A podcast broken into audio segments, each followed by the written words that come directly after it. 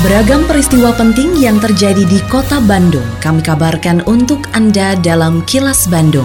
Diproduksi oleh LPS PR SSNI Bandung bekerja sama dengan Humas Pemkot Bandung yang disiarkan serentak oleh 40 radio anggota PR SSNI Bandung. Sejumlah informasi aktual kami hadirkan untuk Anda dan inilah informasi utamanya. Sepekan PSBB proporsional, pengelola mal dinilai patuh terapkan protokol kesehatan.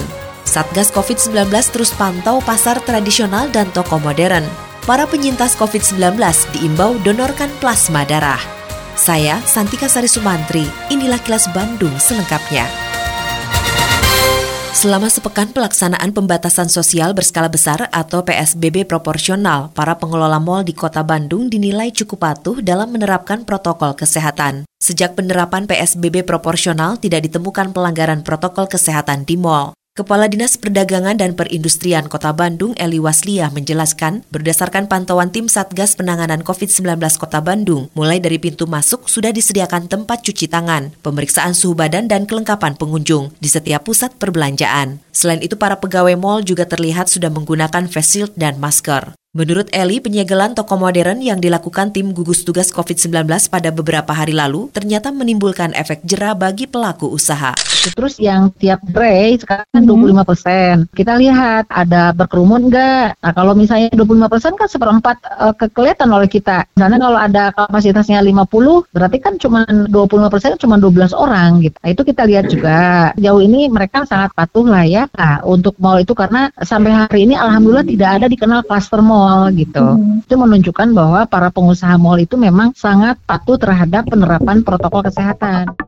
Selama pelaksanaan PSBB proporsional yang berlangsung sampai 25 Januari mendatang, tim gabungan Satgas Penanganan COVID-19 Kota Bandung akan terus melakukan pemantauan protokol kesehatan di pasar tradisional dan toko modern. Tim gabungan Satgas Penanganan COVID-19 Kota Bandung terdiri dari Dinas Perdagangan dan Perindustrian bersama TNI, Polri, dan Satpol PP Kota Bandung. Kepala Dinas Perdagangan dan Perindustrian Kota Bandung, Eli Wasliah, meminta warga untuk melaporkan kepada Satgas COVID-19 jika menemukan ada toko modern maupun pusat perbelanjaan yang buka sebelum pukul 10 waktu Indonesia Barat. Jika ditemukan pelanggaran, maka pihaknya tidak segan untuk menyegel dan memberikan sanksi. Kita sedang mengawasi pasar-pasar, pasar-pasar tradisional, barang dan ada ya, juga beberapa toko modern yang kita lihat kan ada lima tim. Sekarang kita sedang fokus ke mengawasi pelaksanaan PSBB proporsional yang Perwal 01 2021. Hmm. Jadi kita ada 20 orang yang kita terjunkan dari Disdagin gabung ke tim Satgas untuk ikut tim Satgas melakukan pengawasan. TNI hmm. Polri kan digabung ya. Ini ada lima tim yang ke pasar dengan ke toko modern.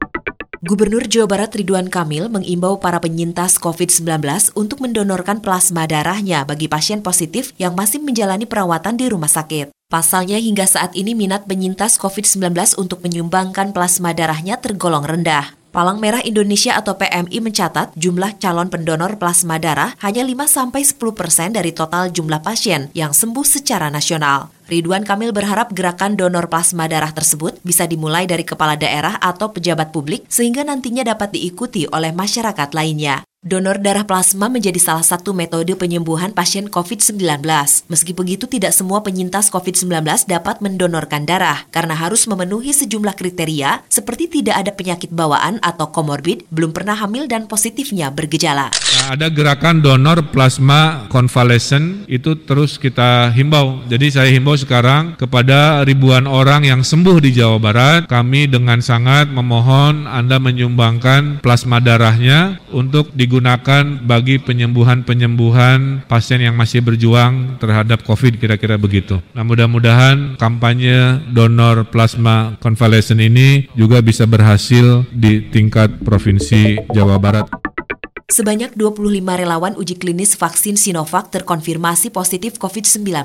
Dari jumlah tersebut, 18 orang penerima di antaranya merupakan vaksin placebo atau obat kosong, dan tujuh orang lainnya mendapatkan dua kali vaksinasi. Hal tersebut disampaikan Ketua Tim Uji Klinis COVID-19 dari Fakultas Kedokteran Universitas Pajajaran atau UNPAD Kusnandi Rusmil. Kusnandi mengatakan penerima vaksin tertular saat berkegiatan di luar. Adapun gejala COVID-19 yang dialami mereka yang terpapar meski telah menerima vaksin masuk dalam kategori ringan. Menurut Kusnandi, terpaparnya 25 dari 1.620 relawan yang ikut dalam proses uji klinis tersebut mempengaruhi besaran efikasi vaksin COVID-19 dari Sinovac. Sebelumnya BPOM RI mengumumkan efikasi dari vaksin Sinovac berada di kisaran 65 persen. Kusnadi kembali menegaskan bahwa orang yang telah mendapatkan vaksinasi masih bisa tertular, meski potensinya bisa diminimalkan oleh vaksin. Jadi memang orang yang udah divaksin sama yang itu tuh disuruh ke mana-mana, supaya dia ada kesempatan untuk ketemu sama orang-orang yang tertular penyakit oh. COVID. Badannya kebal atau tidak.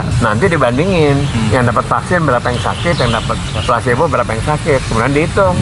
Tapi sebagian besar dari dia itu gejalanya ringan. Setiap pemerintah kabupaten kota harus memiliki dokumen rencana penanggulangan bencana atau RPB yang akan menjadi panduan dalam penanganan bencana di daerah. Ketua Pelaksana Harian Badan Penanggulangan Bencana Daerah Provinsi Jawa Barat, Dani Ramdan, mengatakan penyelesaian pembuatan dokumen RPB ditargetkan selesai tahun 2021 ini. Nantinya RPB bisa dituangkan dalam bentuk peraturan kepala daerah dan akan menjadi acuan bagi terbitnya aturan lain seperti Rencana Pembangunan Jangka Menengah Daerah atau RPJMD dan Rencana Tata Ruang Wilayah atau RT RW di daerah. Dokumen RPB ini adalah dokumen wajib yang ada di kabupaten kota karena nanti RT RW juga harus mengacu pada RPB. Kemudian RPJMD juga RPB ini kegiatan-kegiatan mana daerah yang bencana dan seterusnya itu adanya di, di RPB. Nah RPB kalau provinsi tinggal direview karena sudah ada dokumennya tapi harus direview kan tiap lima tahun tahun. Untuk KPN kota ini bervariasi, ada yang sudah ada, yang ada belum. Kalau yang sudah ada juga kita akan lihat apa perlu direview atau tidak. Nah kami canangkan tahun ini semua RPB dimulai dari KRB-nya, kajian resiko bencana, kita akan susun sampai akhir tahun ini 27 lengkap. Kini, audio podcast siaran Kilas Bandung dan berbagai informasi menarik lainnya bisa Anda akses di laman kilasbandungnews.com.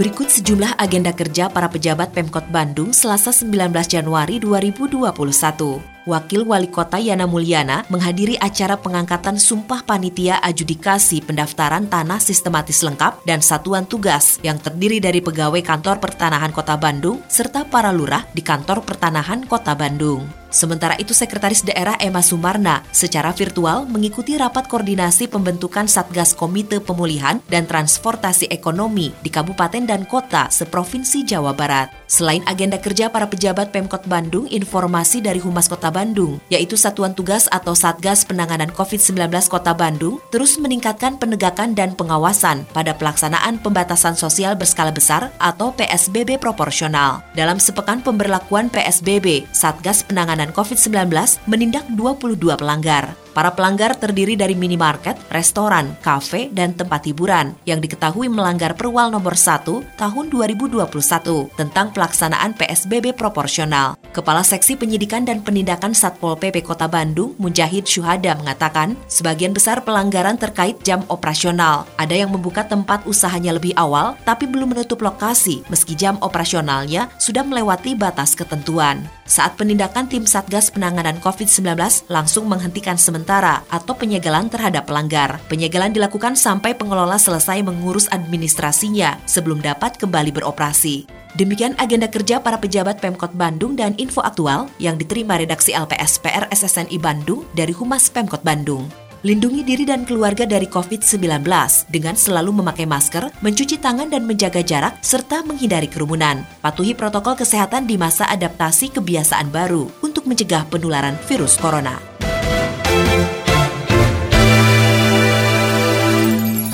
Terima kasih Anda telah menyimak Kilas Bandung bekerja sama dengan Humas Pemerintah Kota Bandung yang diproduksi oleh LPSPR SSNI Bandung.